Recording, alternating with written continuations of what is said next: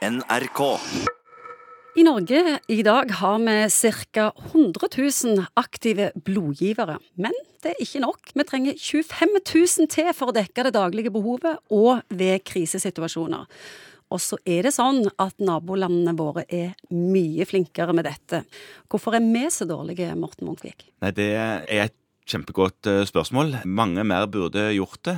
Man burde kanskje ha større kampanjer og oppmerksomhet rundt det for å få folk til å dra og gi blod. Det er jo faktisk i enkelte tilfeller bare sunt å gjøre det, altså.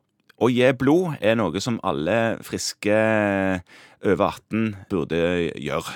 Hva tror du årsaken er? Er det at eh, nordmenn er lite opplyst, vi ikke vil? Ja, Kanskje ikke ligger godt nok til rette for det rundt omkring. Jeg vet at eh, I Oslo så prøver man på en måte å gjøre det veldig enkelt å gi blod, f.eks. på Ullevål, hvor de har egen parkeringsplass. og Det er veldig enkelt å komme inn der, og du blir godt ivaretatt da, som blodgiver. og Det gjør du sikkert rundt omkring i andre plasser i, i landet òg, men av en eller annen grunn så er det en nesten litt sånn godt gjemt hemmelighet hvor greit det er å gi blod, og det burde man jo bare få gjort. Men det er ikke hvem som helst som kan gi blod. Nei, det er ikke det. Det er strengt. Det er strengt. Du skal være frisk.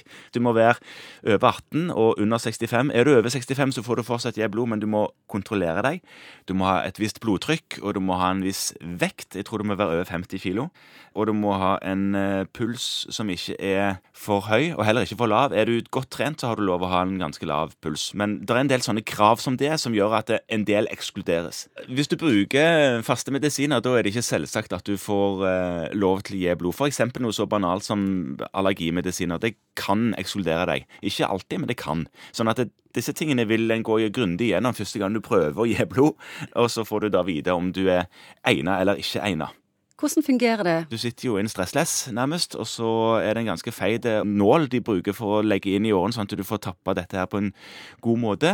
Og så sitter du der den stunden det tar, og så tapper de den halvliteren, og så er det gjort. Hva blodtyper er det som er mest attraktive? Ja, Du har jo det som heter kriseblod. Nå snakker vi om blodtyper. Da har vi to hovedsystemer som er viktige. Det er AB0-systemet og resus-systemet.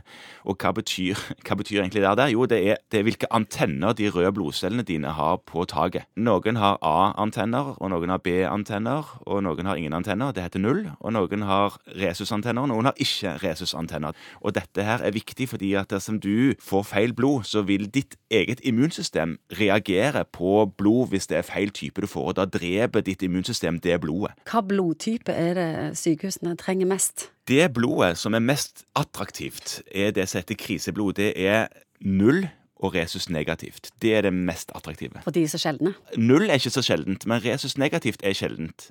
Sånn at Samla sett så er ikke det en veldig hyppig blodtype. Men det er ikke den sjeldneste. Men det er det mest populære å gi, for det kan du gi til absolutt alle. Alle kan få det, det, det blodet der. 25 000 flere blodgivere er det vi trenger. Dra og gi blod, og så hender det at eh, du får gode gaver ved å gi blod. Glass og sekker, og de har en del sånne fine giveaways på blodbanken, så du får gå og få glass.